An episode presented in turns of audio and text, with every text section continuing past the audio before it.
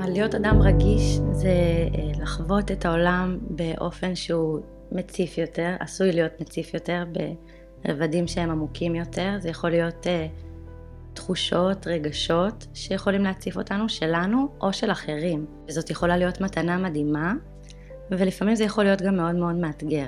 שאת מרגישה משהו בעוצמה, והסביבה לא כל כך מבינה על מה הדרמה, כן. אה, וכן, יש דרמה. קורית דרמה בחדר, או קורית דרמה בתוכי, אה, וקודם כל להכיר בה, להתייחס אליה, לראות אותה ולנסות להבין אותה. המקום הזה ש, שמתקשה להבין למה אני כל כך רגישה, למה אני כזאתי ולא אחרת. אה, ואני חושבת שאולי הצעד הראשון זה באמת להגיד, כן, אני כזאת ולא אחרת, ואיך אני יכולה לעשות שיהיה לי נעים בתוך הסיטואציה הזאת. היי מאזינות ומאזינים יקרים וברוכים הבאים לפרק החמישי של פעימות לב. יצא לכם לשמוע מהסביבה שלכם שאתם רגישים מדי, שאתם צריכים לקחת דברים יותר בקלות ובפרופורציה, ולמה לעשות דרמה מכל דבר?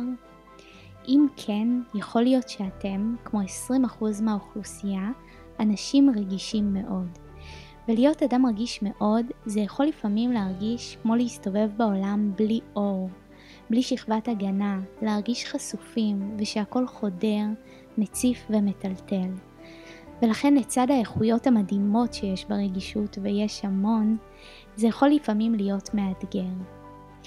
בפרק הזה אני מארחת את הדס דהן סיטון, שהיא מאמנת בפסיכותרפיה טרנס-פרסונלית, מדהימה ורגישה, ובפרק דיברנו על עשרת הכלים הפרקטיים שיוכלו לעזור לכם להתמודד עם רגישות גבוהה ולהפוך אותה מחולשה לכוח מאוד גדול.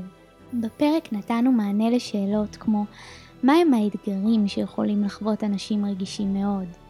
מהו הסוד להתמודדות עם הרגישות שבנו? ולמה דווקא כשאנחנו מקבלים אותה אנחנו נתרמים ממנה הרבה יותר? ועוד ועוד ועוד בסוף הפרק גם סיכמתי עבורכם את עשרת הכלים הפרקטיים שיעזרו לכם להתמודד עם רגישות גבוהה, להחזיר את האיזון הרגשי והקבלה העצמית וליהנות מכל המתנות שיש לרגישות לתת לכם ולעולם. בעיניי זה פרק מרתק, ואני מקווה שגם אתם תרגישו ככה ותהנו ממנו, ואם נתרמתם מהפרק, ממש אשמח שתשתפו אותו עם כל מי שאתם חושבים שהוא יכול לתת לו ערך. אז יאללה, פתיח ומתחילים.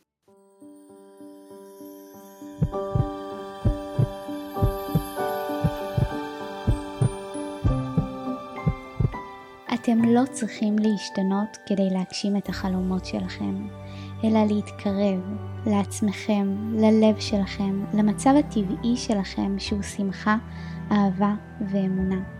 כי הלב הפועם שלכם יודע תמיד הכי טוב מה נכון עבורכם.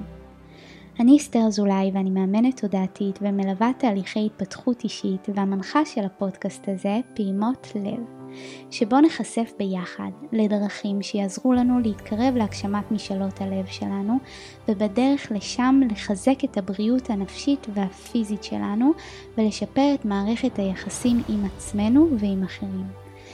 תזכרו שיש בכם כבר עכשיו פוטנציאל אינסופי ואת כל מה שנדרש בשביל לחיות את החיים שאתם רוצים.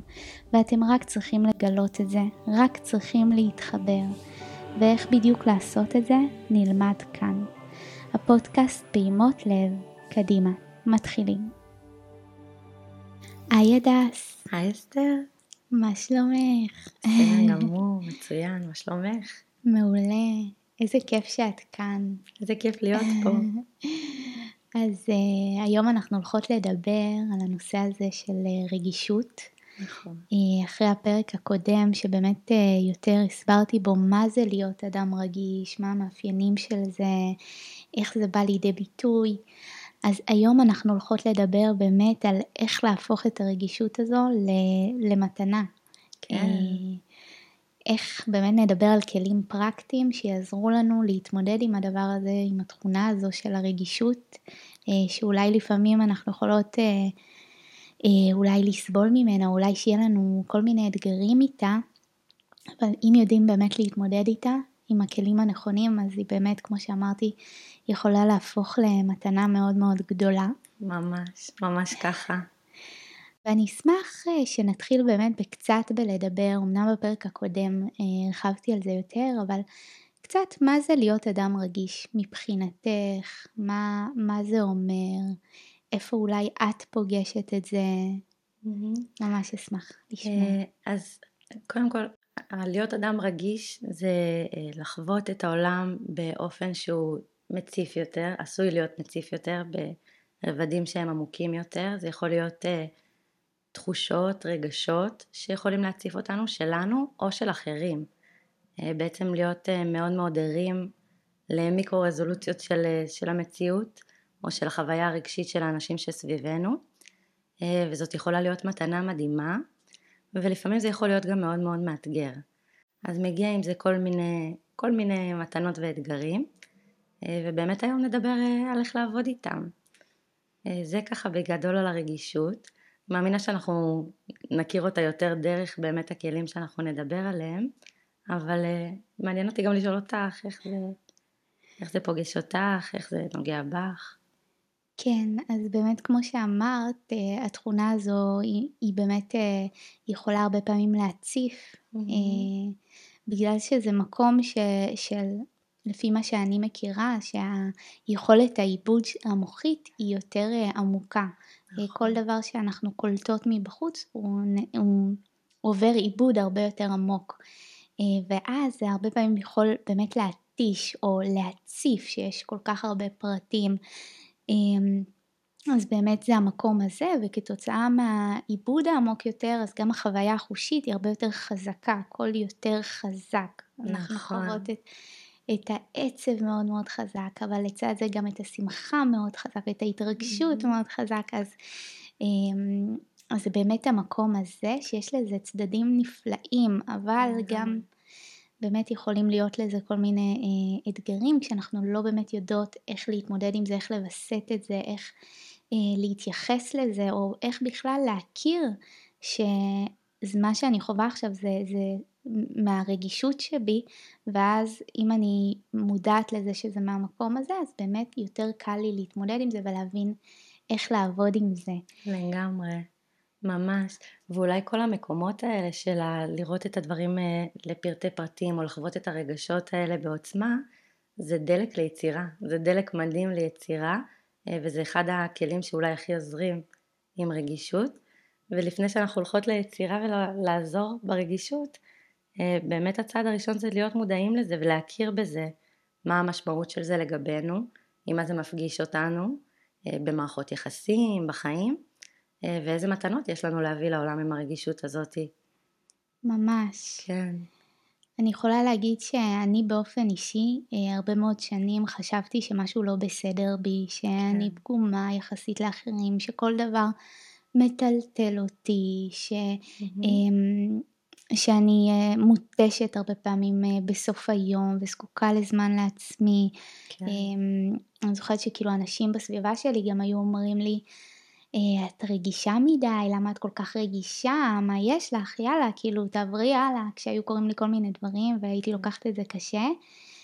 ובאמת כאילו הייתי הרבה, הרבה מאוד אנרגיה הייתה הולכת על להצדיק את עצמי, להסביר מה אני מרגישה, למה זה כל כך קשה לי, כאילו אנשים סביבי לא היו מבינים, קודם כל כי גם אני לא הבנתי וגם אני באתי בביקורת כלפי עצמי של למה אני ככה, למה אני מגיבה ככה, למה אני מתנהגת ככה וזה היה מאוד קשה, זה היה מקום שמאוד, אה, אה, הרבה מאוד אנרגיה שהתבזבזה וגם תחושה לא נעימה עם עצמי, כאילו עם מי שאני.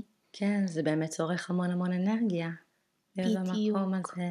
ו- וצריך גם למלא את המצברים של האנרגיה הזאתי וגם לראות איך אנחנו משקיעים אותה באופן כזה שיהיה מיטיב עבורנו. כי הרבה פעמים זה כזה להילחם בתחנות כוח, שאת מרגישה משהו בעוצמה, והסביבה לא כל כך מבינה על מה הדרמה, כן. הרבה פעמים שומעים את המקום הזה של, של הדרמה, אה, וכן, יש דרמה. קורית דרמה בחדר, או קורית דרמה בתוכי, וקודם כל להכיר בה, להתייחס אליה, לראות אותה ולנסות להבין אותה, בדיוק כמו שתיארת. המקום הזה ש, שמתקשה להבין למה אני כל כך רגישה, למה אני כזאתי ולא אחרת. אמ, ואני חושבת שאולי הצעד הראשון זה באמת להגיד, כן, אני כזאת ולא אחרת. אמ, ואיך אני יכולה לעשות שיהיה לי נעים בתוך הסיטואציה הזאת. איך אני יכולה לעשות שיהיה לי נוח, איך אני יכולה לעשות שיהיה לסביבה שלי נעים. ממש. כן. שנייה לפני שאנחנו צוללות לכלים, אני אשמח mm-hmm. לשמוע גם איפה זה פג... פוגש אותך, פגש אותך בעבר, כל הנושא הזה של הרגישות, של להיות אדם רגיש מאוד, איך את חווית את זה, איך את חווה את זה היום. כן, אז קודם כל זה משהו שהגעתי איתו לעולם, זה משהו שליווה אותי מי שאני זוכרת את עצמי. למזלי אני גדלתי בסביבה שבה מאוד מאוד חיזקו את היצירתיות שלי, אז זה היה איזשהו כוח שידעתי לעבוד איתו.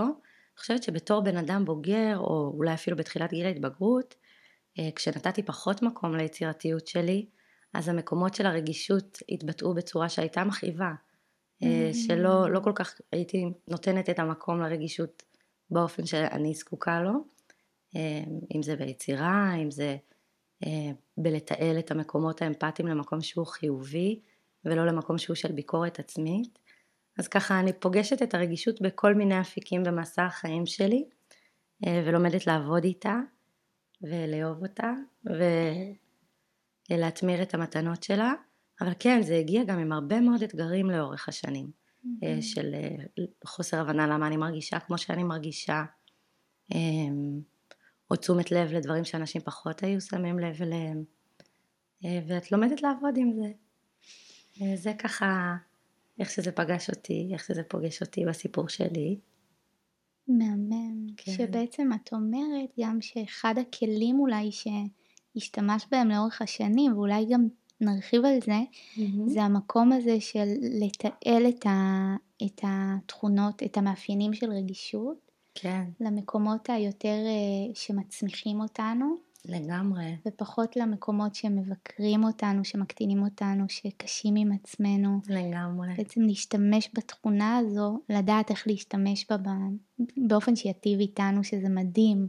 אני אשמח שנפרט על זה עוד בהמשך. כן, בשמחה. אז אם אנחנו בעצם חושבות על כלים איך להתמודד עם הרגישות אה, אוקיי. שלנו, מה היית מציעה בשלב הראשון לעשות? אז כמו שאמרנו, השלב הראשון הוא באמת אה, המקום של המודעות. להתחיל להיות מודעת לזה שיש לך את הרגישות כן. הזאתי אמ, ולהכיר בה. זאת אומרת, הרבה פעמים אה, יכולה להיות, אפילו בשלב של להכיר בזה שאנחנו רגישים, הרבה מאוד התנגדות ומאבק, ובעצם להרפות מהמאבק הזה ולראות שאוקיי, אלה הקלפים שיש לנו, יש לנו קלפים טובים, איך אנחנו יכולים לצאת לשחק. ו- וזה הרבה פעמים, זה שלב מאוד מאוד משמעותי וגדול בפני עצמו. להכיר ברגישות, השלב הבא זה לקבל אותה, אבל רגע לפני שאנחנו מקבלות אותה בעצם להכיר בה. להכיר באיכויות שיש בה, באתגרים שיש בה, איפה היא מתבטאת, וזה באמת יכול להיות מסע שלם של חקירה עצמית בפני עצמו. להכיר את עצמנו, את הרגישות שלנו. ואז באמת השלב הבא אחרי שאנחנו מכירים את הרגישות שלנו איך היא מתבטאת. שנייה אני רוצה לשאול אותך. בטח, כן. איך, איך את הכרת את הרגישות שלך? זאת אומרת, מה זה, מה זה אומר להכיר את הרגישות שבי? אה, זה לראות, אה, כמו שאמרתי, איפה, איפה היא מתבטאת בחיים האישיים שלי. אז נגיד אה, יש אנשים מסוימים שישמעו את זה הרבה פעמים, יפגשו את הרגישות שלהם בפעם הראשונה דרך הסביבה. שהם יקבלו איזשהו שיקוף מהסביבה שהם רגישים מדי, mm-hmm. שהם דרמטיים. אז זה יכול להיות דרך שיקוף מהסביבה, זה יכול להיות גם דרך חוויה פנימית, שיש הרבה מאוד רגשות שמציפים אותנו, ואנחנו לא כל כך יודעים מה לעשות עם הרגשות האלה או איך לפרוק אותם, ואז כשאנחנו לא פורקים אותם, הם אה, מושלכים על הסביבה. וככה למעשה אני פגשתי את הרגישות שלי, אה, שהיו לי הרבה מאוד תחושות ורגשות שלא כל כך ידעתי מה לעשות איתם, אה, ולפעמים זה מתפוצץ. כשלא יודעים מה לעשות עם זה, זה עלול להתפוצץ. כן. אמ, ומצאתי את עצמי מרגישה כל מיני דברים ולא כל כך יודעת מה לעשות עם זה. אה, והתחלתי לחפש, התחלתי לחפש בעולם של מדיטציות, ביצירה, אמ, בחקירה פנימית, בעבודת מודעות. עשיתי תהליך עם המקום הזה. בעצם אם אני מבינה, זה ממקום של כאב שהיה לך, mm-hmm. יצאת בעצם לחפש ולהבין מה, מה יכול לתמוך בך במקומות האלה. כן, ממש ממש ככה, מתוך כאב ומתוך גם, אה, אני חושבת, עצם החוויה של להיות בתשומת לב למיקרו רזולוציות בסביבה שלנו. אה, ממש, אה, ממש לזהות איך אנשים מרגישים או מה אנשים חווים, זה יכולה להיות חוויה שהיא מאוד מאוד מעמיסה. ואז הייתי צריכה את הקאטים האלה, של לקחת רגע לעצמי, של להיות שנייה לבד, של להתווסת. ורציתי לראות איך אני יכולה לעבוד עם הדבר הזה, mm-hmm. עם הרגישות. אה, כי לא כל כך מצאתי מענה בחוץ.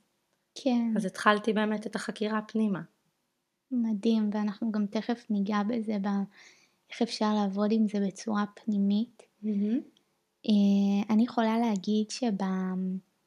שאצלי זה, לא ידעתי, ברגע שידעתי שיש לזה שם, זאת אומרת שיש לזה מונח, כן. שנקרא אדם רגיש מאוד, ובערך בין 15 ל-20 אחוז מהאוכלוסייה הם אנשים רגישים מאוד, ויש להם מאפיינים כאלה וכאלה, וראיתי, וואי, זה כאילו זאת אני. כן. אז, אז זה בסדר, אז יש אנשים כאלה, ויש תכונות כאלה, ואני לא פגומה, אין בי משהו לא בסדר, אני פשוט, יש לי יכולת עיבוד יותר עמוקה, וזה משפיע על איך שאני חווה את הדברים. אה, ושם כאילו מין הרגשתי הקלה כזאת, כאילו, אוקיי, אפשר כן. לנשום, הכל בסדר. אמ, יש לזה גם הרבה מאוד דברים אה, טובים, אפשר להתמודד עם זה, אפשר לחיות עם זה, אמ, ולאט לאט באמת אה, ככל שהכרתי את הדבר הזה והרגשתי שיש לזה לגיטימציה, שזה נתן לי לגיטימציה להיות מי שאני. ו- ושם זה בעצם אה, היה, הייתה מין נקודת מפנה כזאת של, אה, של הכרה ברגישות וקבלה שלה. ו... רגע של התפכחות כזה. בדיוק, ממש. כן. וואו. אז שם זה היה, זה היה אצלי, וגם ממקום גם של כאב, ממקום mm-hmm. של, אה, של הרבה שאומרים לי את רגישה מדי, או mm-hmm. יאללה, כאילו תקחי את הדברים אחרת, את צריכה להתחזק, קחי בקלות, קחי בפרופורציות, זה הכי מעצבן באותו רגע. כן, לגמרי. כן. כי יש פרופורציה אחרת לחוויה של מה שקורה בפנים לאדם רגיש מאוד למה נכון. שאולי קורה בסיטואציה. וגם אני מאמינה שכשלבן אדם כואב לו, להגיד לו קח את זה בפרופורציות, לגמרי. זה לא יעזור. זה לא רגיש בכלל. לא רגיש. אפרופו רגישות. בדיוק. כן. זה באותו רגע הבן אדם צריך שיראו את הכאב שלו כמה שהוא צריך, כואב לו כרגע, זה שכואב לו עכשיו זה לא משנה שבאפריקה יש אנשים שלא אוכלים, שאין להם מה לאכול, כרגע כואב לו. אז... אמ, וזה בדיוק, אם אני לוקחת את זה רגע קצת אחורה, זה בדיוק המקום הזה של להתחיל להכיר ברגשות שלנו. להיות במקום שאוקיי, כואב לי. בדיוק. רגע לפני שאנחנו מבקשות מהאחר שיראה את הכאב שלנו, רגע לראות אותו בעצמנו. ממש. וזה ממש מתחבר לשלב הראשון. של המודעות, mm-hmm. של להיות מודעת שכרגע אני חווה משהו, כן. משהו שמשפיע עליי, mm-hmm. ולתת לזה את הלגיטימציה, להגיד, מותר לך, מותר לך שיכאב לך, מותר לך לבכות, מותר לך להיות רגישה. לגמרי. זה ממש בסדר ו- ו- ואפילו בריא. לגמרי, והרבה פעמים הקול הזה שמבקר את החוויה הרגשית, זה בהתחלה קול שהוא מבחוץ, שהוא חיצוני, ולאט לאט זה הופך להיות קול מופנם. נכון. זאת אומרת, יכול להיות שבאיזשהו שלב הסביבה כבר לא תבקר אותנו. נכון. ואנחנו נמשיך לבקר את עצמנו. ושמה באמת נכנסת העבודה של המודעות שאת מתארת. ממש. זה, זה ממש ככה, אנחנו באמת אה, הרבה פעמים לומדות מהסביבה איך להתנהג כלפי עצמנו. נכון. ו, ואז גם אם הסביבה לא מבקרת אנחנו יכולות להמשיך ו, ושם זאת העבודה הפנימית שלנו מול עצמנו. של קודם כל לתת לעצמנו את המקום ואז גם בדרך כלל הסביבה גם בהתאם... אה, נכון, הסביבה מתיישרת עם האמונה שלה. בדיוק. כן, ממש. זה מסתנכרן, כי בעצם את מבינה את עצמך ואת קשובה לעצמך. זה פחות מושלך כלפי חוץ. ממש. מושלך וגם... על הסביבה הכוונה. כן, mm-hmm. וגם שכאילו זה מקרין משהו אחר, זה מקרין כאילו אני חושבת שזה בסדר, אז גם הסביבה שלי מקבלת את זה ככזה, כאילו באנרגיה. ממש ככה לגמרי, ממש. אז בעצם השלב הראשון שאמרנו זה המודעות, להיות מודעת לזה שיש את התכונה הזאת, mm-hmm. יש לה מאפיינים כאלה וכאלה, יכול להיות שאני אה, נכנסת להגדרה הזאת של בן אדם רגיש מאוד, mm-hmm. ואני קודם כל מודעת לזה, mm-hmm. והשלב השני זה היה יותר ההכרה בזה. אני מכירה בזה, אני מקבלת את זה, אני נותנת כן. לזה את המקום, אני מרשה לעצמי את המקומות האלה, דווקא כי כל דבר שאנחנו מתנגדות לו הוא בדרך כלל יותר גדל, הוא יותר מנסה לתבוע את המקום שלו, יותר למרוד, יותר להנכיח את עצמו. לעומת זאת שאנחנו מקבלות את הרגישות שאני אומרת אוקיי זה חלק ממני וגם אני מרשה לעצמי לחוות את הכל. אז משהו יכול להשתחרר יותר. ממש, ממש ממש ככה. מדהים. כן. איך אנחנו יכולות מבחינת ה... להכיר בעניין הזה של אה, אם אנחנו מכניסות את החלק של הילדה שבנו והחלק של הבוגרת, המבוגרת, בכל Mhm. אחת מאיתנו יש ילדה פנימית Mhm. אה, שזאת הילדה שהיינו, שהיא ממשיכה ללוות אותנו עד היום, ויש חלק שהוא יותר המבוגר האחראי, המבוגרת האחראית, אמ, ו- ומתקיימת ביניהן כל הזמן מערכת יחסים, וגם בתחום הזה של הרגישות. כן. איך היית מציעה ב- ב- בתחום הזה אה, לעבוד עם שתי הדמויות האלה? אז הרבה פעמים באמת הילדה הפנימית מאוד מחוברת לרגישות. נכון, אה, היא יכולה להיות אפילו איזה ייצוג שלה, נכון, אה, גם למקום של היצירתיות וגם למקום של הרגשות, אה, הרגשות החזקים. ובעצם כדי לקבל את הרגישות צריך איזה מקום שמאשר את זה, מקום פנימי, כי יש את הרגישות, אוקיי, יש את הילדה הפנימית שיכולה להיות כואבת או נסערת או מוצפת ואחרי שאנחנו מכירות בה, בילדה וברגישות, אה, שווה לגייס איזה חלק נוסף של איזושהי בוגרת, איזושהי סמכות פנימית מיטיבה שמחזיקה את המרחב עבור הילדה. זאת אומרת, מכירה ברגישות שלה, מכירה בצרכים שלה ומאפשרת להם את המענה. כי בעצם אם אנחנו נותנות את כל הבמה לילדה הפנימית, אז אנחנו יכולות גם להתנהג את הרגישות הזאתי, ואם יש איזושהי בוגרת אחראית בסיטואציה, אז הילדה פחות לבד. היא פחות. מחפשת את האישור הזה מהסביבה או את המענה מהסביבה החיצונית ויותר אה, מקבלת את זה מאיתנו. אה, וזה גם איזשהו קול שחזק מספיק לעמוד אל מול הקולות הסביבתיים שהפנמנו. כי בעצם הילדה הפנימית היא לא מספיק חזקה לעמוד מול הקולות האלה הרבה פעמים. היא מאוד מאוד מאוד רגישה. ובשביל זה צריך את הבוגרת, שתחזיק לה את היד, שתראה את הקולות החיצוניים האלה, שאולי היא הפנימה, ו... וגם תיתן לילדה הפנימית מקום לבטא את היצירתיות שבה ואת העוצמה שבה ואת הרגישות שבה וגם לאפשר לה מקום בטוח בתוך הסביבה ולהיות בהקשבה לצרכים שלה. אז אני חושבת שקבלה, אם אנחנו לוקחות את זה שוב למקום הזה שהתחלנו עם המודעות וההכרה ברגישות ואז אני חושבת על זה על המקום של הקבלה שהבוגרת, איזושהי סמכות פנימית מיטיבה, איזושהי בוגרת פנימית, אולי הבוגרת שלא הייתה לנו, נכון, אמ, תהיה שם עבורה, זה יכול להיות איזשהו צעד מאוד מאוד משמעותי ולהתחיל לקבל את הרגישות הזאת ולפעול עבורה. זאת אומרת, לבנות לה איזשהו מרחב בטוח. ממש, זה ככה החיבור שאני רואה לילדה ולבוגרת. מהמם. כן. אז אני יכולה להגיד שהיה לי אירוע אה, ממש לא מזמן, שממש הרגשתי את זה בא לידי ביטוי, אני אשמח גם לשמוע דוגמה שלך כדי, אה, אולי זה יעזור להמחיש את הקשר הזה בין הילדה והבוגרת, ש... שמאוד נעלבתי ממשהו. אה, מאיזשהו אירוע שקרה, ו... והרגשתי את הילדה, את הילדה הרגישה שנעלבת וקשה לה ומרגישה שפגעו בה ומרגישה לא מספיק ומאוד מאוד היה לה קשה. אה, ולצד זה המבוגרת אה, היא רצתה מיד לתקן ולסדר את העניינים וכאילו לא לתת רגע שנייה זמן ל- לילדה להכיל את כל הסיטואציה הזאת ולבכות ולכאוב והיא Mhm. רצתה מיד לתקן את, את מה שקרה.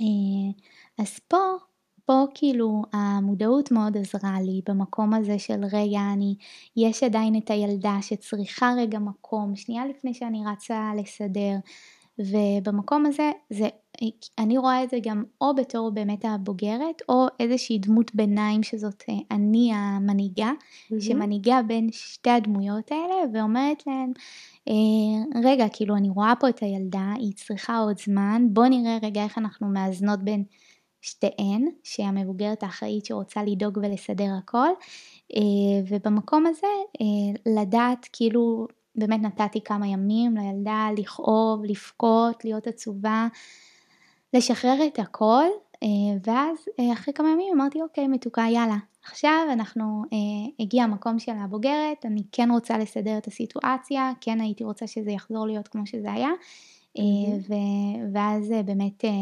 גייסתי את המבוגרת, אז, אז נראה לי שזה כאילו יכול להמחיש את זה. לגמרי. לגמרי. דיברת על שני צדדים ועל איזושהי סמכות פנימית מיטיבה שגישרה ביניהם. בדיוק. כן, איזה צד שקשה לו להחזיק את הדיסהרמוניה, שצריך לסדר את כן. הכל מהר, והילדה שרגע צריכה, צריכה רגע, ואיזושהי סמכות שלוקחת את שניהם בחשבון. בדיוק. ועל זה אנחנו בעצם מדברות. על זה שיכול להיות שיש בנו כל מיני תחושות וחוויות, אה, ואנחנו מחפשות איזושהי סמכות פנימית שתיתן מקום לכל אותם חלקים, אה, ממש. ותאפשר להם מענה. זה כמו כמה ילדים כאלה שצריך, אה, כן, לדאוג כן. לכל אחד מהם. בדיוק, ממש. כמו כן. שהילדה צריכה מענה.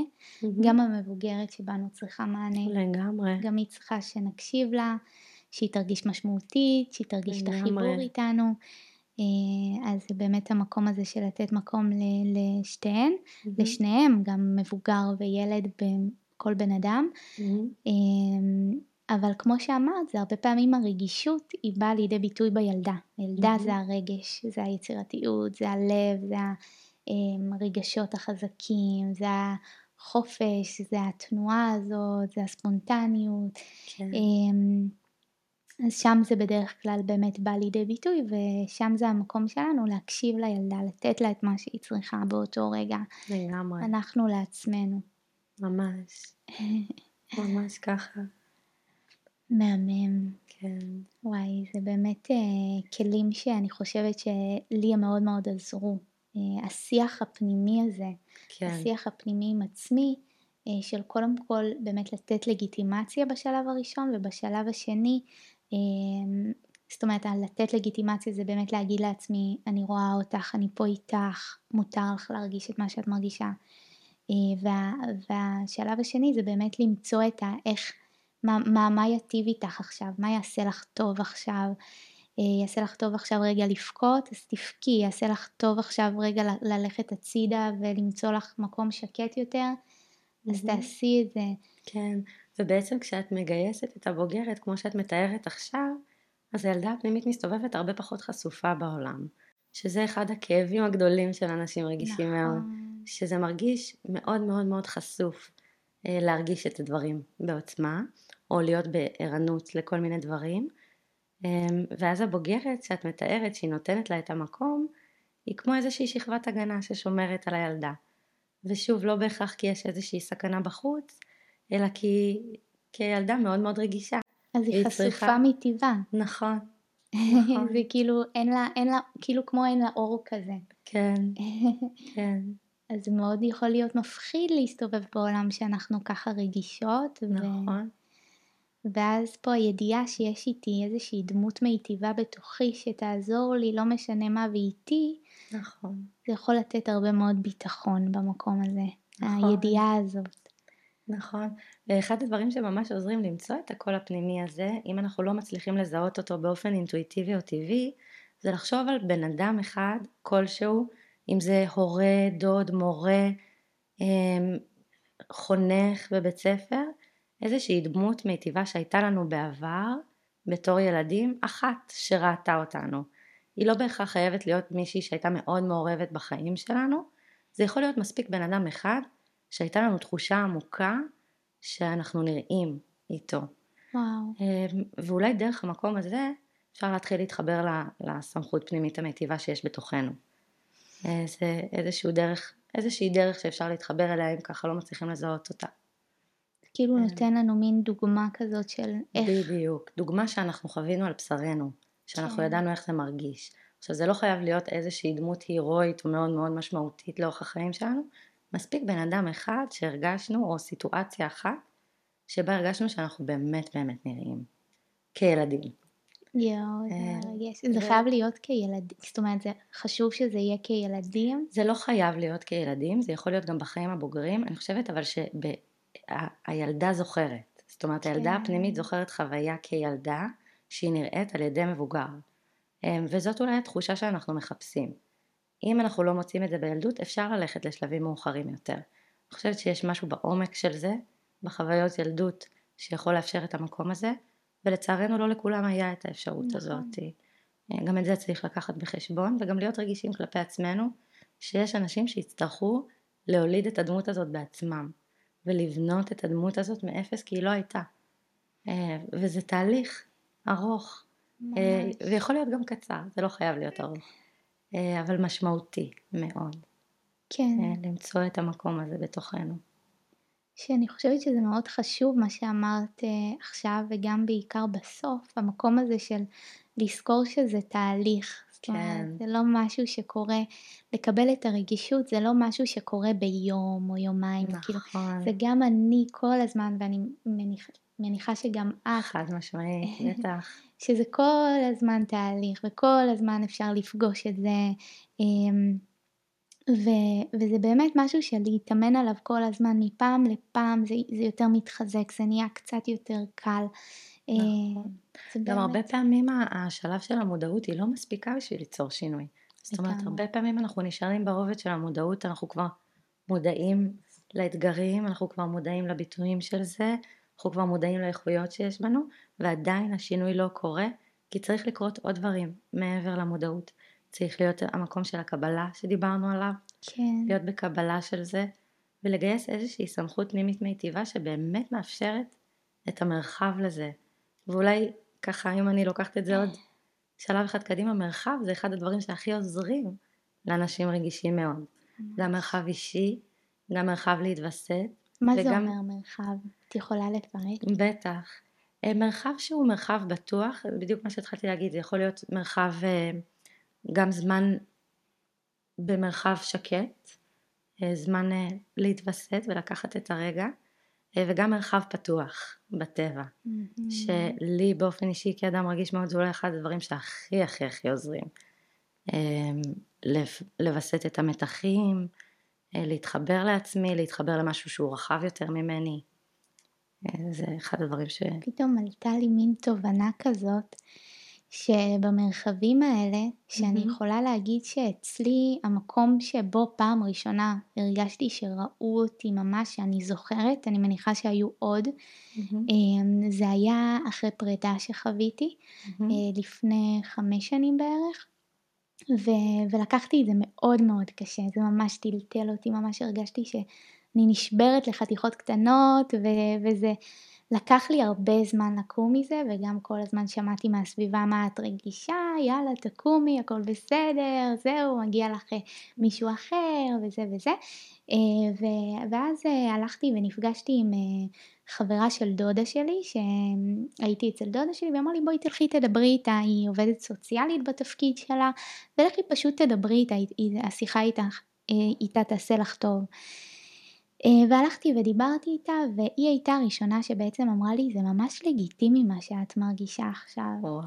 כן, ופתאום הרגשתי שכאילו עול כבד יורד ממני. בטח. ו- וזה מחזיר אותי לנקודה הזאת של מרחב של מישהו רואה אותך mm-hmm. ומישהו לא שופט אותך ואני חושבת שמעבר לזה של מרחב עם בן אדם זה יכול מאוד מאוד לעזור, mm-hmm. זה גם המקום של בטבע, שחשבתי על זה שבטבע אף אחד לא שופט אותך, אתה יכול להיות מי שאתה, אתה מרגיש חופשי, אז המקום הזה הוא מאוד מאוד מרפא בעיניי. מאוד. גם, גם בטבע וגם במקום עם מישהו שאתה מרגיש מאוד בטוח ונותן לך את הלגיטימציה להיות מי שאתה ולהרגיש את כל מה שאתה מרגיש. לגמרי, הריפוי הכי גדול קורה בתוך קשר. חד. משמעית, לגמרי. ממש. לגמרי. לקבל הכרה, לקבל תוקף. בדיוק. כן. זה כל כך, אה, כאילו, אני תמיד כשזה קורה לי אני מרגישה כאילו מין הקלה כזאת כל כך גדולה, כאילו הכל בסדר. ממש. לגמרי. אני לא צריכה להסביר כל כך, אני, יש מישהו שמבין אותי. כן. זה כל כך כל כך אה, מרפא. ממש, ממש, זה ממש ממש חזק. כן. זה ממש ממש חזק, ואני גם רוצה להגיד למי שמרגיש שאין לו אנשים כאלה בחיים שלו, א', שאפשר ליצור אה, מקומות כאלה בחיים, אפשר ליצור קשרים משמעותיים, זה יכול להיות תהליך, אבל זה נכון. לגמרי אפשרי, וגם אפשר להגיע לטיפול. לגמרי. אפשר להגיע למרחב בטוח ולא שיפוטי, ולפגוש את המקומות האלה ולקבל הכרה, וכשאנחנו מפנימים גם את המקום של הקבלה וההכרה, זה מקבל עוד ביטויים בחיים. אז אה, אם אין בן אדם כזה בחיים שלכם היום, של מי שמקשיב לזה, ממש. תגיעו לטיפול.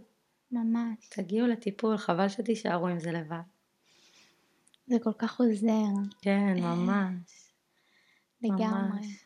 לגמרי. יש היום כל כך הרבה דרכים ממש, ממש. לעשות את זה. יש מלא מלא דרכים. המזל שלנו. נכון. אה, וחוץ מטיפול, אז אה, אמרנו הטבע ואמרנו היצירה. היצירה, אני חייבת להגיד שלי באופן אישי זה, זה ממש ממש כלי מדהים לעבודה עם הרגישות ועם הרגשות. אה, מה את עושה למשל?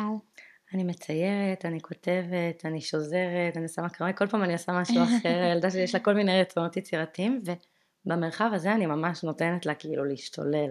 מדהים. את רוצה צבעי שמן, צבעי ילדה שמן, את. רוצה... כן, נותנת לה להיות ילדה. ממש, ממש. אז שמה אני ממש ממש נותנת לה את המקום. אה, וזה, מדהים. וזה מאוד מאוד משחרר. זה מאוד מאוד מרפא. בדיוק, ממש. כן. אני חושבת. ש... סליחה. תגידי, תגידי. זה, באתי להגיד שזה זה גם מרפא, זה גם מרפא וזה גם, זאת גם המתנה שיש לה להביא לעולם. זאת אומרת, ברגע שאני נותנת לה את המקום הזה להשתולב ולחגוג ולשחק אה, ולהיות היא, אז זה יוצר גם אדוות החוצה. זאת אומרת, אנשים גם יכולים ליהנות מהפירות של זה, של היצירה. שלה. לגמרי. אז, אה, אז אני חושבת שברגע שאנחנו מקבלות את הרגישות שלנו, גם הסביבה נתרמת מזה. ממש. זה גם כי, מתנות שאנחנו נותנות לעולם. נכון, בדרך כלל זה יבוא משם המתנות שלנו, מהמקום, מהמקום של הילדה. נכון. מהיצירתיות הזאת, שבאמת, זה באמת אחד הכלים, כי זה לתת לה מקום, כאילו אנחנו יכולות לתת לה מקום דרך זה של להגיד לה אני רואה אותך, אני רואה שקשה לך, מהמם.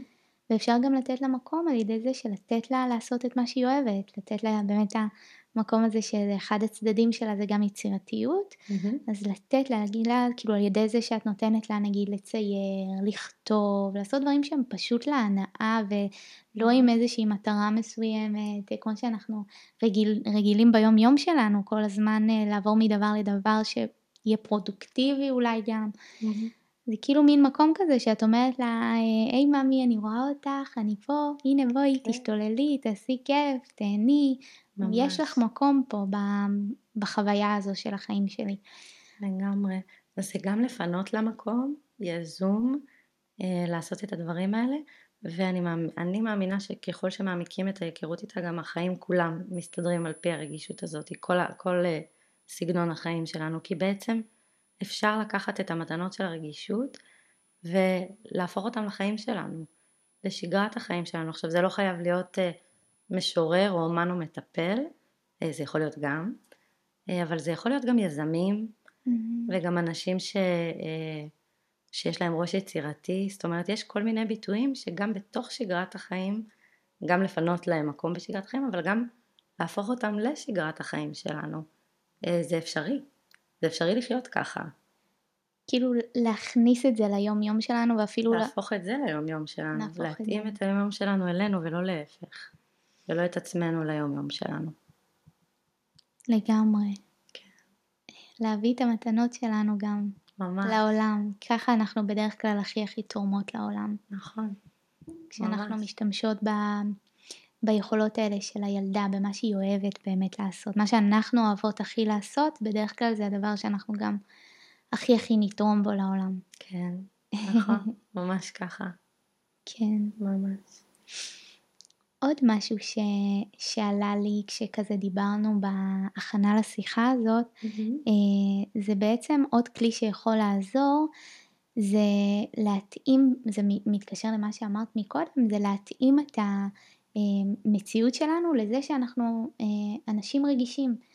אה, כן. אני קוראת לזה לא להתנגד לטבע, מדהים. אה, שזה בעצם המקום הזה של אה, אם הטבע שלי הוא להיות בן אדם רגיש, ונגיד אחרי יום שהוא מאוד אינטנסיבי שהייתי הרבה בחברת אנשים ואני כבר מותשת מכל האינטראקציות החברתיות האלה בגלל שאני ערה לכל הפרטים והעיבוד העמוק, אה, אז, אז, אז כאילו להתאים את זה ול- ולהבין שאוקיי אז, אז אולי אני לא אצא היום, אולי זה פחות יעשה לי טוב לצאת בערב גם, ואולי יעשה לי יותר טוב לנוח, אה, שזה. מתקשר גם ל...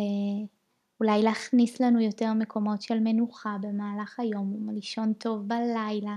כן. מקומות האלה שאנחנו כאילו משקיטות את, ה, את המוח שלנו, mm-hmm. שכל הזמן מאבד וכל הזמן עובד מאוד מאוד קשה, יותר מאנשים רגילים. Mm-hmm. אני חושבת שזה גם משהו שיכול אה, לעזור. ממש. המקומות האלה של רגע לתת לתודעה את המנוחה הזאת, זה מתחבר לי גם למרחבים שדיברנו עליהם קודם. המדיטציה. כן. והמדיטציה נגיד שאמרת שעשית ושזה עזר לך. מאוד, מאוד. מדיטציה, מוזיקה, באמת לאפשר את המרחב הזה ל... בול, כאילו גם מרחב באמת תודעתי כן, כזה, כאילו בדיוק. במוח. מרחב פיזי ומרחב רגשי ומרחב תודעתי, כן. כן, ממש ככה. כן, ואני חושבת שבשביל להיות קשובה לתחושות האלה צריך את הסמכות הפנימית המיטיבה. נכון. כי, כי אם את יודעת שזה לא נכון לך לצאת בערב אחרי שהיה לך יום אינטנסיבי ועדיין יש בתוכך איזה קול חברתי כזה שאומר מה אני אצא אני לא אצא אז הסמכות כן. הפנימית המיטיבה הזאת היא זאת שבסוף מקבלת את ההחלטה כשהיא לוקחת את כל המשתנים בחשבון. ממש. וגם לחזק אותה. כי כשיש לילדה פנימית גב ממנה היא מאוד רגועה. בדיוק. כן. בטוח לה יותר. בדיוק. היא יכולה להרפות. כן. ממש. ממש. כן. איך זה פוגש אותך נגיד בסיטואציות חברתיות, או אולי איזה טיפים היית יכולה לתת?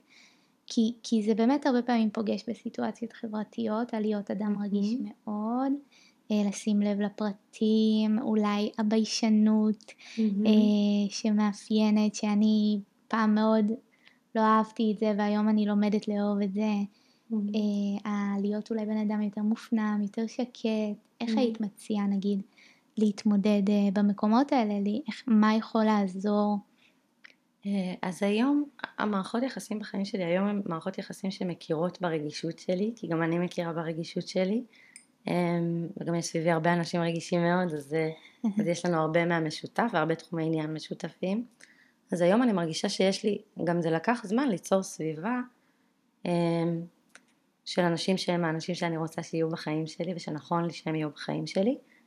אמ, ובעבר כן הייתי שומעת את המקום הזה של דרמטית למשל אמ, ואז בעצם לתווך את זה החוצה זה להכיר בזה שכן מתחוללת בתוכי כרגע איזושהי דרמה ולפני שאני מבטאת אותה החוצה אני רגע עושה את הבדיקה הפנימית הזאת, הבדק בית הפנימי, מה קורה אצלי בפנים כרגע. אמ, ואם אני מרגישה כועסת עכשיו או עצובה או מתוסכלת, רגע להכיר בזה. ולראות למה... ואת עושה את זה נגיד תוך כדי מפגש חברתי? כאילו תוך כדי שיש אנשים לידך? אה, אז היום אני יכולה לעשות את זה ממש כזה ברגע, כן. בתודעה, אבל אה, לפעמים בהתחלה, בתחילת הדרך זה היה יותר קורה בדיעבד. הרבה פעמים הייתי כאילו נקלעת לסיטואציה עם הרגישות, ואז צריכה רגע לעשות את העיבוד אחרי זה עם עצמי, של איך יכולתי אולי להגיב אחרת או לפעול אחרת. אז העיבוד היה קורה יותר בדיעבד. וככל שהעמקתי את עבודת המודעות שלי, אז uh, המרחק בין העיבוד לבין החוויה הצטמצם. זאת אומרת. העיבוד יכול לקרות ב-live, קורה היום ב-live, תוך כדי שזה קורה, אני כבר יודעת לעשות את הדיאלוג הפנימי הזה ולהגיד, אוקיי, כרגע אני מרגישה א', ב', ג', ממש כמו שעשיתי כן. בתחילת השיחה. הרגשתי את ההתרגשות הזאת, אמרתי, אוקיי, למה אני זקוקה כרגע? אני צריכה להנכיח את זה, שזה יהיה על השולחן. הנכחתי את זה, ומשהו בתוכי נרגע ברגע שהנחתי את זה. מדהים. אמ, אז זה שוב אה, המקום הזה של, אה, של להיות קשובה לצרכים ולתחושות שלי ולאפשר להם מענה ולאט לאט אה, ככל שאנחנו מתרגלים את עבודת המודעות אז המרחק מצטמצם בין האירוע לתגובה או בין האירוע לעיבוד באופן הזה. כן. מתחברת ממש. כן. שזה נגיד למשל גם להנכיח את זה, זה גם יכול להגיד, כאילו, את יכולה נגיד להגיד למישהו במרחב שאת נמצאת, נגיד אני כאילו קצת רגישה לסיטואציות כאלה עם הרבה אנשים ואולי קצת mm-hmm. קשה לי להיפתח, אה, mm-hmm. כאילו ממש לבוא ולהגיד את זה בפגיעות, או, או אולי אפילו לא חייב להגיד את זה, ופשוט אולי למצוא מישהו ולדבר עם מישהו אחד על אחד, שזה בדרך כלל יותר קל לאנשים רגישים, לא רוצה mm-hmm. להכליל, כאילו זה כן. בדרך כלל. Mm-hmm. אה, או נגיד רגע לקחת אולי איזה הפסקה רגע בחוץ, לנשום אוויר, להירגע. כן. ו- ו- ולחזור למרחב. יש הרבה מאוד דרכים לעשות את זה, ולא לכל אחד נכון אותה הדרך. זאת אומרת, לכל אחד נכון משהו אחר. יש אנשים שיעבוד להם ממש טוב ויסות משותף, לשתף מישהו ברגשות ובתחושות שלהם. Mm-hmm. יש מישהו שעצם זה שהוא מנכיח כמוני למשל, עצם זה שהוא מניח את התחושות זה כבר איזושהי הקלה. כן. אמ, יש מישהו שצריך רגע את הוויסות לבד, לצאת רגע כן. החוצה ולהוריד את הגירוי. אה, כל אחד יש לו את הדרך שלו, אפשר לחזור לנשימה. כן. כל מיני דרכים לעשות את זה. אני חושבת שבאמת העניין הזה של הלגיט... שאני מאשרת לעצמי כן. להיות, אוקיי, אז, אז אני יותר שקטה mm-hmm. בסיטואציה הזאת, אז אני יותר ביישנית, ו- וזה בסדר, אני מרשה לעצמי להיות ככה, אני מבינה שאני ככה, זה כאילו הדבר שעושה את ה... יכול לעשות ההבדל באיך שאנחנו מרגישות שם. כן, לגמרי. וחשוב לי גם להניח שזה נכון שיש הרבה מאוד אנשים רגישים מאוד שהם גם ביישנים, זו תכונה שמאוד מתחברת עם ביישנות, כן. אבל זה לא חייב להיות ככה. נכון. זאת אומרת, אני הרבה פעמים בסיטואציות חברתיות, מרגישה שאני מרגישה מאוד בנוח, ואז הרבה פעמים אני יכולה לשים לב לפרטים, והעבודה שלי תהיה דווקא לשהות עם זה, להיות עם, עם התחושות שלי, ולא בהכרח אה, לשים אותם בחוץ, אלא רגע להישאר עם זה, ולראות מה קורה, מה קורה בתוכי כרגע, ואיך אני יכולה לאפשר לעצמי מענה, לפני שאני מחפשת את ההכרה או את המענה מבחוץ. אבל זה לא בהכרח אומר שאנחנו לא ראויים להכרה מבחוץ, או למענה מבחוץ. זאת אומרת, אני לא רוצה להיות תלויה בזה מצד אחד, מצד שני אנחנו כולנו בסוף נכון. יצור חברתי, אה, וכולנו צריכים הכרה חברתית. נכון, זאת אומרת זה לא, בא, אנחנו לא מצפות שזה יבוא לחשבון הבחוץ. נכון, בדיוק. אלא שיהיה לא... גם וגם. כן. ושברגע שאנחנו מאשרות את עצמנו זה מן הסתם גם יבוא מהבחוץ בדרך כלל.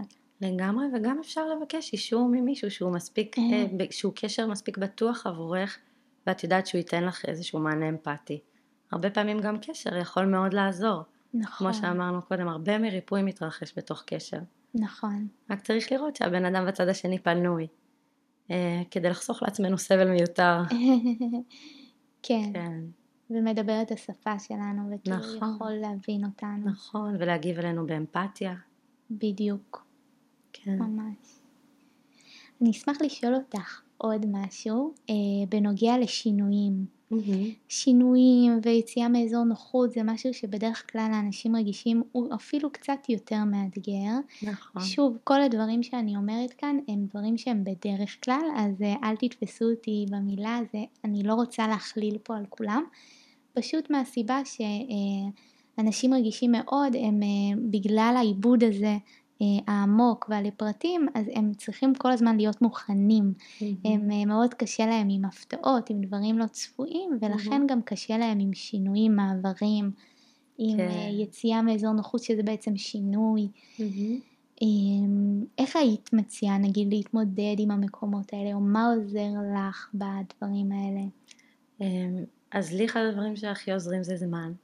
זה לקחת לעצמי זמן במעברים בין סיטואציה א' לסיטואציה ב' של היום, לקחת לעצמי זמן לפני הקליניקה, לקחת לעצמי זמן בין טיפול לטיפול, לקחת לעצמי, לעצמי זמן בין הקליניקה אה, לפגישות שלי בזום, ופשוט לתת לעצמי את הזמן ואת המרחב לזה, לעשות כמה דקות לפני, כמה דקות אחרי. אמ, אז זה אחד הדברים שהכי הכי עוזרים לי. אמ, ושוב, אני חושבת שהמקום הכי נכון זה באמת לזהות את מה עוזר לנו. יש מישהו שלשמוע מוזיקה עוזר לו, יש מישהו שלכתוב רגע עוזר לו, יש מישהו שלהרים טלפון לבן הזוג עוזר לו, כל אחד יש את הדבר שעוזר לו לעשות את המעבר אה, בצורה רכה יותר, או לייצר לעצמו איזושהי אה, ודאות לגבי מה שכן בשליטתנו. אמ, אבל, אה, אבל באמת הייתי מתמקדת במה, בלזהות מה נכון לנו, מה נכון לכל אחד. זה גם קצת מתחבר לי למה שאמרת קודם, אה, שהדברים שאת אומרת זה כזה לא כולם, אבל, אה, אבל זה הרבה אנשים, אני חושבת שיש ערך בלפרוס כל מיני אפשרויות או כל מיני חוויות, ובאמת מי ש... מה שמדויק לבן אדם הוא ייקח מתוך זה, אה, ומה שלא לא, זה לא רלוונטי. לגמרי. ואני אגיד עוד משהו בנוגע ל... אה, מאוד התחברתי למה שאמרת של לתת לעצמי זמן, שזה mm-hmm. באמת על לתת לעצמי גם את המרחב, לתת לעצמי את מה שאני זקוקה באותו רגע. אפשר אפילו לשאול, רגע, מה, מה יתמוך בי עכשיו, מה יעזור לי עכשיו, ולראות כל, כל אחד מה עולה לו. Mm-hmm. מה שעוזר לי גם זה לנסות לייצר לי כמה שיותר ודאות. מאוד קשה לנו עם אי ודאות בכלל לאנשים, זה, יש להם צורך מאוד חזק בוודאות, צורך הישרדותי מאוד הגיוני, mm-hmm. אז מה שיכול לעזור זה הרבה פעמים ליצור כמה שיותר ודאות, כמה שאני יכולה. Mm-hmm. אם יש לי איזשהו אירוע גדול שאני מתכוננת אליו, אז כמה שיותר להיערך ולהתכונן ולהכין את עצמי, אמ, כמה שיותר ליצור לי את הוודאות, אם אני הולכת ועומדת מול קהל, אז להתכונן לפני כן ולראות מה אני רוצה להגיד. אמ, וגם אם אני לא יכולה, או יש גבול עד כמה אני יכולה לשלוט בסיטואציה, mm-hmm. אז מה שעוזר לי ליצור ודאות גם זה להגיד אה, שאני אדע להתמודד אה, עם כל מה שיגיע. אני, ככה אני יוצרת לעצמי ודאות שאני אדע להתמודד עם מה שיגיע, עם כל אתגר, עם כל דבר שיצוץ. לגמרי, וזה גם עוזר לשחרר את הדברים שאין לך שליטה עליהם בעצם. נכון, כן. המקום הזה. כן. כן, לגמרי. טוב, אז אנחנו ככה לקראת סיום של הפרק, ואני אשמח לשאול אותך אם יש איזשהו מסר שאת רוצה שהמאזינים ייקחו מהפרק הזה, משהו שאת רוצה להגיד לקראת סיום. אה, אז הייתי רוצה לומר שרגישות היא תכונת אישיות, כמו כל תכונה אחרת, שיש בה אתגרים, כמו בכל תכונה אחרת, ומתנות מופלאות. אה, כמו בכל תכונה אחרת, ושאם אנחנו מכירים את הרגישות שלנו וברגישות שלנו, אה, יש לנו מתנות להביא לעולם אה, ולעצמנו. ממש. אז ששווה לעשות עם זה היכרות, התיידדות, ואולי זה תהליך. נכון. כן. ממש, זה באמת, יש כל כך הרבה מתנות בעיניי בתכונה הזאת, אני כל כך כאילו אם פעם ממש הסתכלתי על זה בתור דבר, אה, בתור עונש, אז היום אני מצליחה לראות את המקומות האלה ש, שאפילו ממש מעצימים וממש אה, כן. הופכים אותנו למי שאנחנו, לדבר המיוחד הזה שזה אנחנו. ממש ככה. תודה רבה לך הדס. תודה לך אסתר. אשמח אה, שתשתפי אם יש מישהו שרוצה להעמיק יותר, איפה אפשר לפגוש אותך. אה, אז אני מטפלת, כמו שאמרתי, בתל אביב, במודיעין ואונליין. אפשר למצוא אותי בעמוד האינסטגרם שלי, אה, הדס.דהן.סיטון, או הדס מקף פסיכותרפיה הוליסטית. ואני מקבלת לתהליכים אחד על אחד, כמו שאמרתי בקליניקה, וזהו. מהמם, נשים כן. את הכל בתיאור של הפרק. מעולה, מוזמנים באהבה. תודה רבה הדס, תודה, תודה שבאת. תודה שאירחת אותי. שמחתי אה, לדבר איתך. גם אני. תודה רבה. תודה. זהו, הגענו לסוף הפרק ואני רוצה לסכם לנו את עשר הדרכים שבהם אפשר להתמודד עם הרגישות ולהפוך אותה לעוצמה מאוד גדולה. אז השלב הראשון זה מודעות. קודם כל להכיר ברגישות שיש בנו, להיות מודעים לזה שיש בנו את החלק הזה דרך היכרות עם המאפיינים של הרגישות. השלב הבא, שהוא מאוד משמעותי וחשוב, הוא לקבל את הרגישות, להרפות מהמאבק מולה ולהבין שאלו הקלפים שיש לנו ואיך אנחנו יכולים לצאת לשחק איתם. הדבר הבא שמתקשר לזה זה לתעל את המאפיינים של הרגישות למקומות שמצמיחים אותנו. למשל, להסתכל על האמפתיה כדבר חיובי ולראות את היתרונות של זה במקום להסתכל על החסרונות ולהיכנס לביקורת עצמית. אפשר לשאול מה זה מאפשר לי? זה עוזר להתיידד עם הרגישות ויותר לקבל אותה. דבר נוסף היה להיות סמכות פנימית מיטיבה שמחזיקה מרחב עבור הילד או הילדה הפנימית שבנו. לראות את הילדה, להכיר ולתת מקום לרגישות שבה ולצרכים שלה ולאפשר לה את המענה שהיא זקוקה לו ועל ידי כך בעצם לאפשר לילד או לילדה מרחב בטוח, גם מול קולות הסביבה. אופציה נוספת להתחבר לסמכות הפנימית בתוכנו זה לחשוב על בן אדם אחד דמות מיטיבה שהייתה לנו בעבר בתור ילדים שראתה אותנו, שהייתה לנו איתה תחושה עמוקה שאנחנו נראים איתה, ודרך המקום הזה אפשר להתחבר לסמכות הפנימית המיטיבה שיש בתוכנו. עוד דבר זה לייצר מרחב בטוח. זה יכול להיות מרחב רגשי עם בן אדם שנותן לנו את המרחב הזה, וזה יכול להיות מרחב פיזי, זמן במרחב שקט שאפשר להירגע פה, זה יכול להיות בטבע, בשביל לווסת את המתחים ולהתחבר לעצמנו ולמשהו שהוא רחב יותר מאיתנו, וזה גם יכול להיות מרחב תודעתי, כמו למשל על ידי תרגול מדיטציה. עוד דבר זה להשתמש ביצירה. דרך יצירה אפשר לתת מקום לרגישות שבנו, ממקום שמעצים אותנו ומאפשר לאחרים גם לקבל את המתנה שלנו. דבר נוסף היה לא להתנגד לטבע, להתאים את המציאות שלנו לזה שאנחנו אנשים רגישים, להיות קשובים לצרכים שלנו בתור אנשים רגישים ולהתאים את היום יום שלנו לצרכים האלה. דבר נוסף היה להנכיח את מה שאנחנו מרגישים במרחב, או מול עצמנו או מול אנשים שאנחנו נמצאים איתם. והדבר האחרון היה בהקשר של מעברים ושינויים. בזמן מעברים, בזמן שינויים, אפשר לקחת לעצמנו רגע זמן להירגע בין לבין, ואפשר גם לייצר לנו כמה שיותר ודאות לגבי השינוי דרך כל מיני פעולות קטנות. וזהו, אני מקווה שלמדתם ונתרמתם מהפרק הזה, וכמו תמיד, אני ממש אשמח אם גם תוכלו לחלוק אותו ולשתף אותו עם אנשים שאתם אוהבים, שאתם חושבים שהוא יוכל לתרום להם גם. תודה רבה על ההאזנה, ונתראה בפרק הבא.